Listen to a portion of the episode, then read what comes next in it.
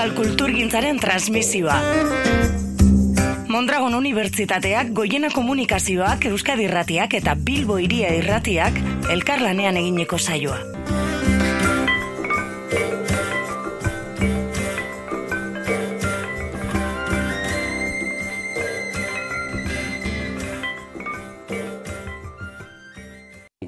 Urruiz zuzen moduz. Ondo, zu. Ondo, ondo, bai, bueno, eh, unibertsitatean, egon zara, ez? Bai. Klase moduko bat ematen edo, zelan sentitu Hombre, hasieran urduri ez nago ituta. Ni honaiz beti barrikadaren beste aldean, ez? Ikasle bezala, eta aipatu ziatenean hori bi orduko saioa, ba, ez dakiz, txapa ematen hor, eta esaten, beldurra ematen zidan, baina, bueno, nik uste nahiko, nahiko ondo jundela, eta ontaz eta hartaz izketan, eta ba, interesgarria onda. Gauz, esko, bueno, saiatuko gara pizkatzoa labur biltzen, kontatutakoa, eta, bueno, ateratzen zaigun guztiaz ere hitz egingo dugu. Oso ondo. E, gorka, bizitza erdia baino gehiago dara mazu berri txarrakekin. Bai. Rigitzela da, eh? Bai, e- enaiz hain konstantea beste zertan, eh? Gertatzen zait taldearekin, jode, ba hori daukagun determinazioa eta segi zer da, gero bizitza realen ez naiz olakoa, baina, bueno, ematen du taldearekin behintzat, ba, e, berritxarrak ematen dira olako energia berezi bat, eta, bueno, musikak ematen du placer hori, eta, bai, e, ohartzerako, ba hori, ja, hogei urtetik gora, taldean, eta emaika mila bizipen, eta, bueno, momentuz, ba, gogotxu ere jarraitzeko, eta, Aha. gustora. Abiandura, abiadura handia aipatu duzu behin baino gehiagotan gizarteari buruz berbetan, ez da? Abiadura honekin ez ditugula gauzak behar bezala denbora ez ere, azken diskoan hitz egiten duzu eta Bai. abiadura handian joan dira hogeita pik urte hauek edo edo benetan denboraz gozatzeko tartea izan duzue. Hombre, asko gozatu dugu, baina egia da pausearen botoi hori gutxitan sakatu dugu izan dugula berritxarraken eta eta egia da, jode, ba, hainbeste gauza gertatzen diren talde batean, ba, ba berehala aztu ez, baina pasa, et, be, urrengo pantailan zaude ohartzerako eta ja urrengo disko bat egiten edo urrengo jiran eta alde hortatik gu ere nahiko e, abia da bizian goaz eta batzutan bai falta motatzen dut ez, e, aztu egiten zaizu, e, ba, hori tren hortan zoaz, lokomotora hortan ez, eta batzutan hori pausari eman, da zu, e, behitu, eh? ez egiten ari garen eta ze pasatu den, eta batzutan behar bezala disfrutatzeko edo gozatzeko e, betarik ere ez dugu hartzen, ez? Beti urrengo urratxean beltsatzen ari galako. Baina, bueno, horrek mantentzen dut aldea bizirik ere bai, eta, eta bueno, hori da, ez dugu beste modurik ezagutzen. Atzera behiratzen duzu asko gorka? Ez, e- ez gehiegi. Osa, baloratzen dugu, egiten duguna, egin duguna, eta gauza asko pasa dira. Baina, tokatu zaigu orain hori, hogei garren urte horrenarekin bai, erabaki genuen, ez? Esan, bueno, a ber, ostara, hogei urte, ez? Ospatu behar dugu eta ospatzeko, ba, begiratu behar da, ez? Baloratu, baleratzeko batez ere, ez? Esateko, ostara, behitu, hau eta hauen genuen, eta hau, Eta askotan ba, hori, ba, sare, ez dakit, ba, web horria, ez, edo lenguan sartu nituen kontzertu guztiak, e, pasatako kontzertuak, ez, eta zerrenda osoan sartu nuen, bat, eh, bat, bi, hiru, lau, ia mila kontzertu, ez, da hori idazten ari nintzela, esateko, ostia, behitu, ez, da, gogoratu duzu, ba, bai, ni memoria oso ona ez daukat, baina kontzertu denak ez, baina askotan, ez dakit, nire referentzia dira urteak, ez, gure diskoak adibidez, ez, Zer, ez hau gertatu zenean, jode, ba, orduan genduen ikasten jiran, eta, claro, ba, hau, zan, hau izango zen laro eta meretzi, bimila garren urtea, eta horra, lotze ditut, eh, ez, eh, akontezimenduak gure diskoekin, edo gure jirekin, eta, ba, oso, azkenean oso lotuta dago, claro, azkenean ere bizitza da, ez, berritxarrak orduan, ba, ezin bestean, ba, ba, ukipenen daude, bai. Aha. E, gorka, e, gurasoak hil ez dituen kulturan, e, edo euskal kultura horrela dagoela aipatu duzu, ez da? Bueno, aipatzen nuen gehien bat gure belaunaldiak berbada ez duela jakin e, eten bat egiten edo talkarik sortzen aurreko belaunaldiekin, ez. Behar bada e, punkak ekarri zuen gerora radikal basko deitu zen horrek e, aurreko belaunaldiekin edo kantautoren horrekin talka ezaki, baina bueno, horre erratza pasazuten ez, eta bueno, uste dut testinguru pol- soziopolitikoak ere asko eragin zuela, eta bapatean e, gauza batzuk zaharkituta geratu zirela go- e, gauetik goizera, ez? Eta alde hortatik uste dut e, itzala handiegia eman ez ote diogun, ez? E, gerora larogei garrana markadan etorri zen e, estena horri, ez? Nik gerora asko baloratu izan dudala, dudana, eta egin batean, ez, eurek egindako lanagatik, edo infrastruktura asko, keman digu bidea, nire belaunaldiko taldeei ba, ba, jotzen hasteko eta aukera asko ez, Euskal Herrian daukagun ba, kontrakulturaren edo ez dakite gaztetxeen sare hori oso oso importantea da. Ez. Baina, iruditzen zait aldi berean, nostalgiarako joera daukagula oso garai bereziak eta esplosiboak izan zirelako. Ez. Eta hori behar bada ez dalako errepikatuko, behar bada bai, baina ez dakigu, baina momentu enten argi dago ez dagoela hori. Ez. Orduan, karo, nostalgia, nostalgia oso sentimendu humanua da eta logikoa eta zilegi da, baina nostalgia hutsa, nostalgia hutsean hutsaz ari ganenean uste dut horrek kalte besterik ez duela egiten eta horrek egiten du tapoi bat jarri edo alako kortina bat gaur egun gertatzen ari den musika ikusez ezagun eta gozatu ez ezagun ez. Eta urte, uste dut hor, azkeneko bi, bi amarkadatan gertatu diren gauza asko, ez ditugula baloratu behar zenean, ez? Eta gero, ematen du nostalgiara jo barko dugula berriz ere esateko, jode, laro gita margarren amarkago talde horiek zehonak ziren, hauek, ez? Eta momentuan hor zeudenean, non ostia zeuden, ez? Yeah. iruditzen zait hor, eh, eh, badugula zer ikasi eta eta nostalgiarako joera oso oso, oso barriatuta dago gure artean. Laro gaita amarreko amarkada horretan, zuk tapoia ipatze duzu, ez da, bai, bai, egon zan, sekulako buma, ez, kulturan, e, musikan zuek esate baterako, eta beste talde pilo bat ere, literaturan ere gertatu zen, antzerkian ere. Behar bada, orduan hasi izan pizkatxo bat, kulturgintza politikatik gehiago aldentzen herriko politikatik, mugimendu sozialetatik, mm ala, ala pareko sortzen eta bizitzen joan dira. Bueno, gure herria zaila da guztiz e, e, bereiztea, ez? E, bueno, hemen e, bizi izan dugunagatik edo bizitzen ari garenagatik. Eta bueno, ematen dunez, nik uste e, hemendik aurrera behar bada bai egongo dela, ez, aldaketa gehiago e, igarriko ditugula edo.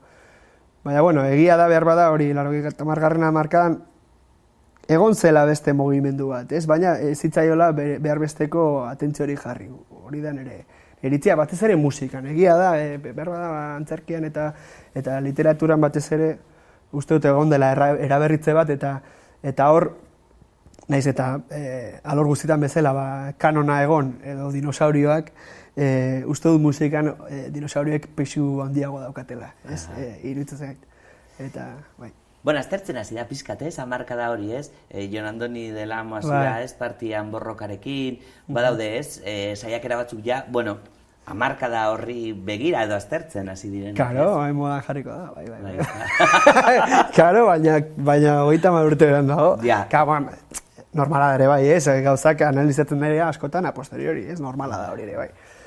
Baina esan, publikoarei buruz ari naiz, ez analizi ah. sozio, soziolinguista, soziopolitiko bati buruz, baizik eta momentuan momentuko taldei egiten zaien jaramonaz edo jaramoneza ari naiz, ez? Eta, eta uste dut hor oraindik e, eta eta lehen aipatu dugu hitzaldian ere bai, ba, gaur egungo talde oste oso zaila daukatela, benetan e, tokitxo bat egitea, ez, anabasa atomizatu honetan, ez, eta eta hori, e, behar bada hori, ez dakigu amarkadari nola deitu ere, Millennial. Millennials, bai, bai, edo, amarrak edo zer da. Eta, jode, ba horrek uste dute, bueno, fokoare jarri beharko litzatekeela orain gertatzen ari den hortan, ez? Eta, ostia, benetan zaila daukatela, ba, eta paradogikoa dela, ze, suposatzen da, edabideen geroz eta, e, bueno, dependentzia gutxiago izan beharko genukela, gure lana e, ezagutzera emateko, teorian ala da, baina aldi berean, ez dakit lehiatzen ari garen mundu guztia lehiatu, lehiatu kako txartean, ez? Baina, esan izu, jendea daukala eskura orain ez dakizkion informazio piloa. Ez orduan gauzak oso azaletik entzuten ditugu, eta ez diago behar besteko denbora eskaintzen, eta eskaintzen diogunare ez da kalitatezko denbora, bizik eta bueno, ba, zapinen aroa bizik gara, eta orduan, honek ez banan konbentzitzen lehenengo hamar segundutan pasatzen dut horrengo kantura, eta eta ez, e, YouTube eta Spotify eta incluso plataformak edo konsumitzeko moduak ere horretara garamatza, ez? ez? E, azkar aldatzera, e, berala ez ba zeigu gustatzen aldatzeko aukera hori eskura daukagu, eta claro, ez da lehen bezala. Naiz jarriko nostalgiko e, formatuarekin, ez? Horrek gauza on asko ekarri ditugu, orain adibidez, jo, gozada bada, ensaiotan, ensaiatzen duzu, grabatzen zuen ensaioa, eta MP2an e, bidaltzen duzu atxaldean, osea, informazio trukea da, izugarria, eta horrek erraztu du gauza asko, ez? Baina, bestalde, ba, bueno, e, konsumitzeko modu azkar honek e, azaleko bihurtu du gauza asko, ez da, orduan, segun ze estilok, igual, e, saltxipapa entzuteko ez duzu behar e, azaleko hori baino gehiago, baina rokan aritzen garen, edo bintzat letretan zerbait esaten alegintzen den jendeak, bueno, ba, kantu horiek behar dute entzunaldi bat baino gehiago, ez, eta, eta jendea ez dakit edo gizartea pres dagoen behar besteko atentzioa eskintzeko horri. Saltxipapa entzute zu da?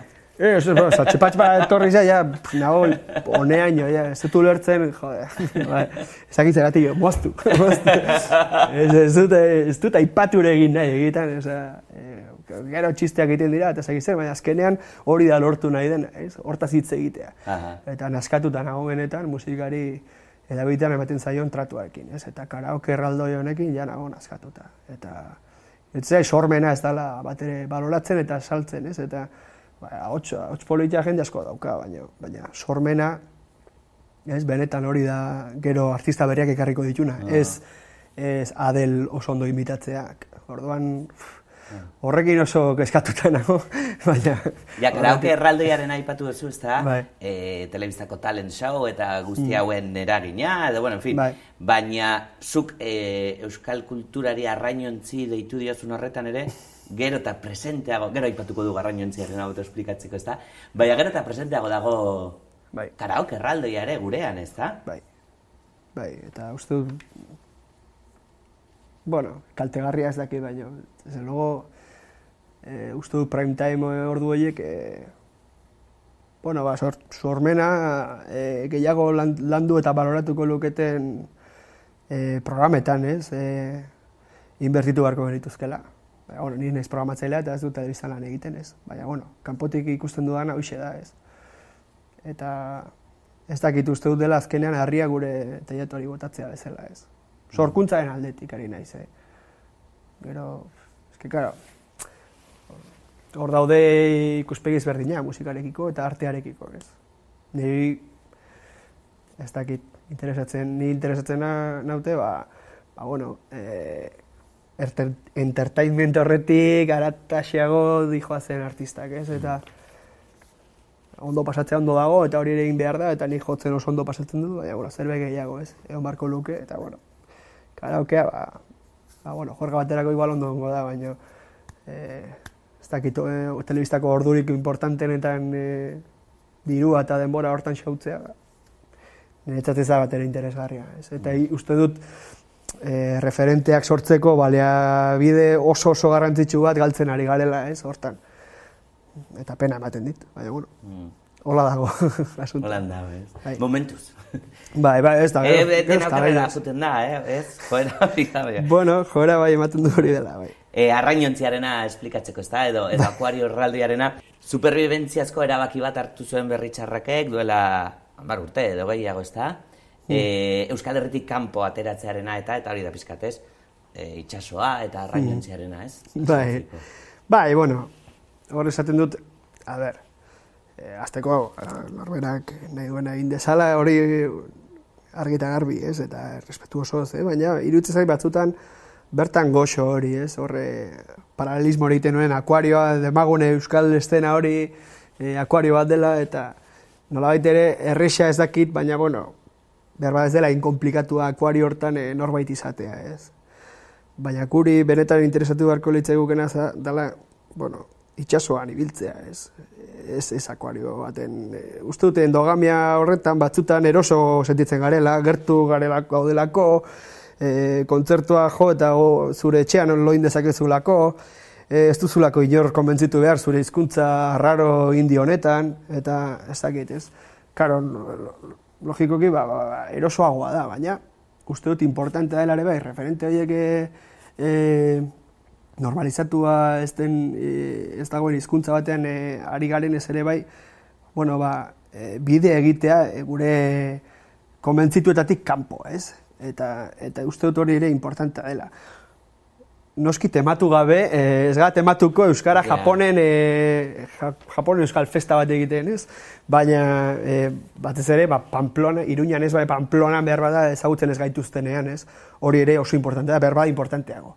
Baina, alde e, gu, nire esperientziatik ikusita, Berritxarrak iritsi zen momentu bat, irugarren laugarren diskoak egin, ja, egin duzu Euskal Herriko zirkutoa.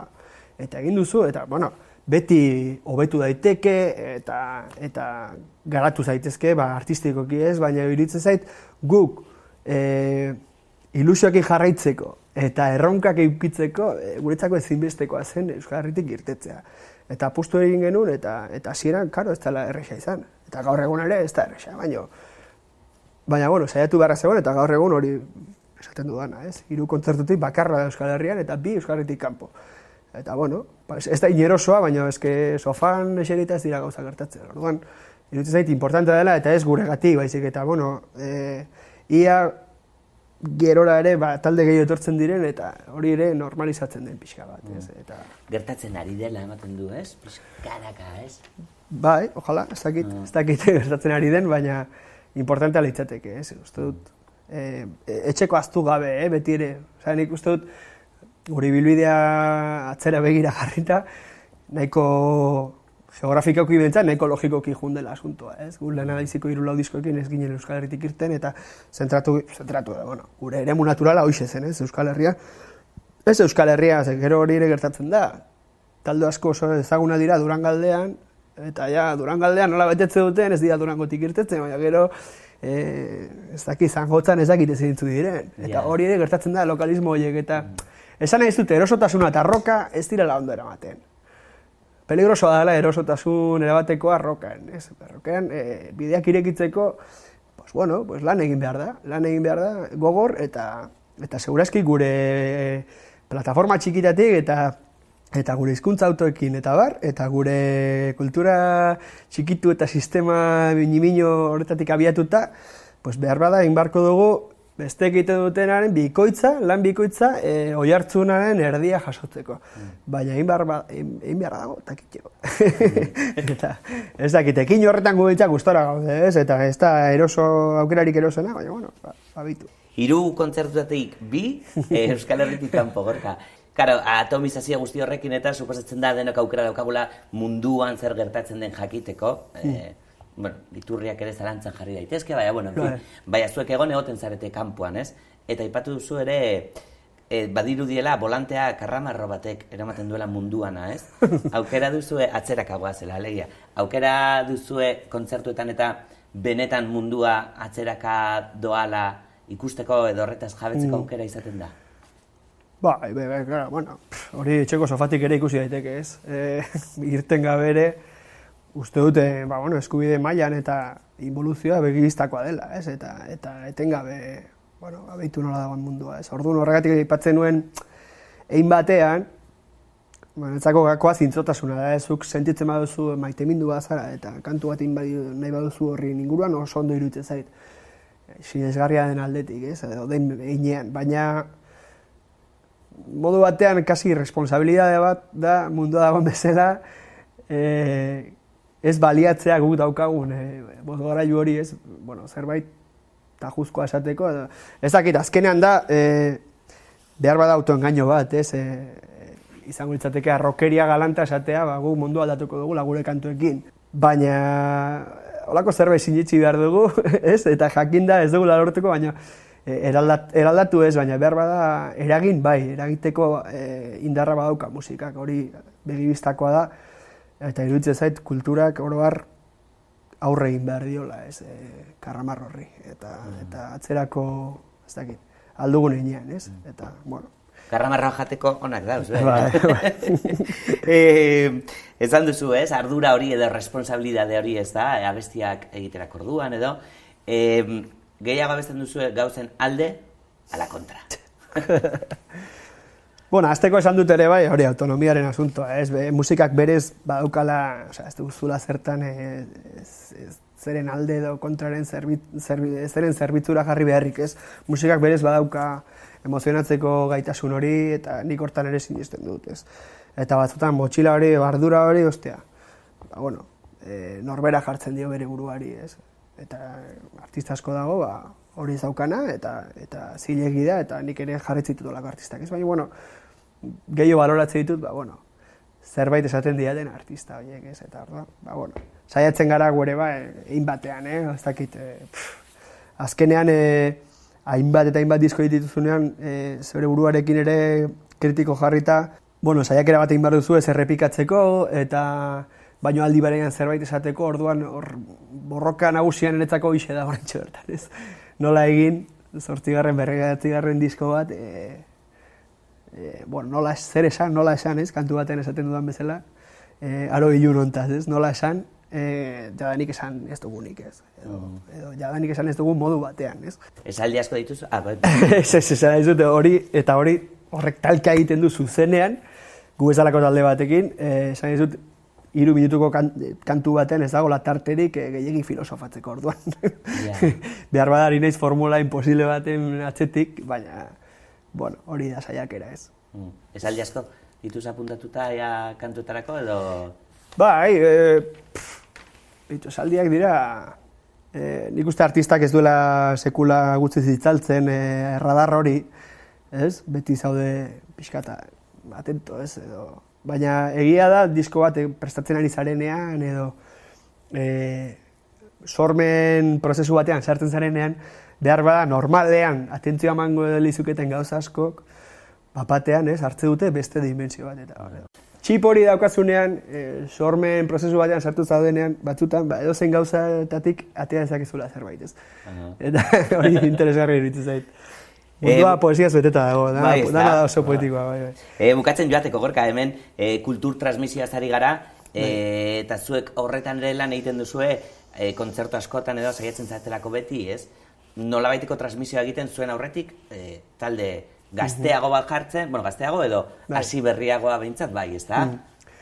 Bai, irutzen zait, bueno, e, joe, gutxienekoa dela, ez? E, guk aukera daukagu, e, ba, urten poderioz eta bar, ba, urteetan egindako e, zaletu zalego hori e, nahiko zabara da gaur egun, eta jende desente tortzen dago ikustera kontzertutara, eta uste dut keinu politia dela aukera matea talde berriei gure horretik jotzea, jotzeko. Ba, bueno, hori lehen aipatzen genuen e, Euskal Kulturaren katea honetan, edo, ez, ba, ba bueno, hori ere eraberritzen juteko, eta ni desietzen nago talde berri bat etorra da edin, eta eta ba, gure belaunaldien esateko, zuek, pst, zarkituta gaitu zarete, fuera mendik ez, ba, sofara ez, baina, bueno, bitartean, ba, hor jarraituko dugu, baina, bueno, bai.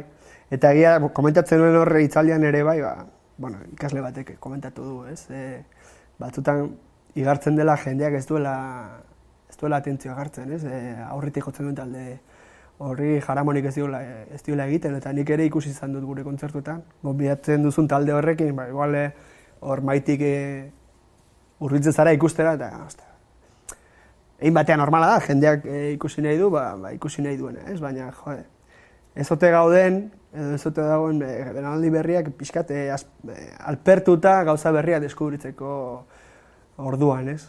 Behar bada, ba, informazio gaindosi hori dukalako, eta ja, ja, gaizka gabiltza, ez? E, dana daukagu eskura, eta orduan, ba, zaila da zerbaitekin emozionatzea, zerbait berriarekin emozionatzea, edo atentzioa jartzea horretan, ez? Eta. Mm Ba, guri gustatuko litzaiuke atentzioa jartzea, zure kanta batekin, orain, mm -hmm. ez dakit animatuko zinateken, gitarra hartuko. Saiatuko gara, saiatuko gara. Eta, zer abestu behar diguzu?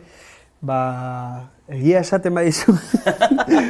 ez dugu ez prestatuta, gitarra ekarri dut, azkeneko orduan esan dinatelako, ba, musikarie, ona etorri izan diren musikariek, batzutan ekarri izan dutela, eta, eta esan, bueno, ba, bazpara kotxean sartuko dut, ez? Eta ala etorri ba, joko dut, e, zera, mm, zerbait asmatuko dugu, gure azkeneko diskoko kantu bat. Ba, zerbait asmatuko dugu kantarekin, usten zaituztegu, gorka urbizu.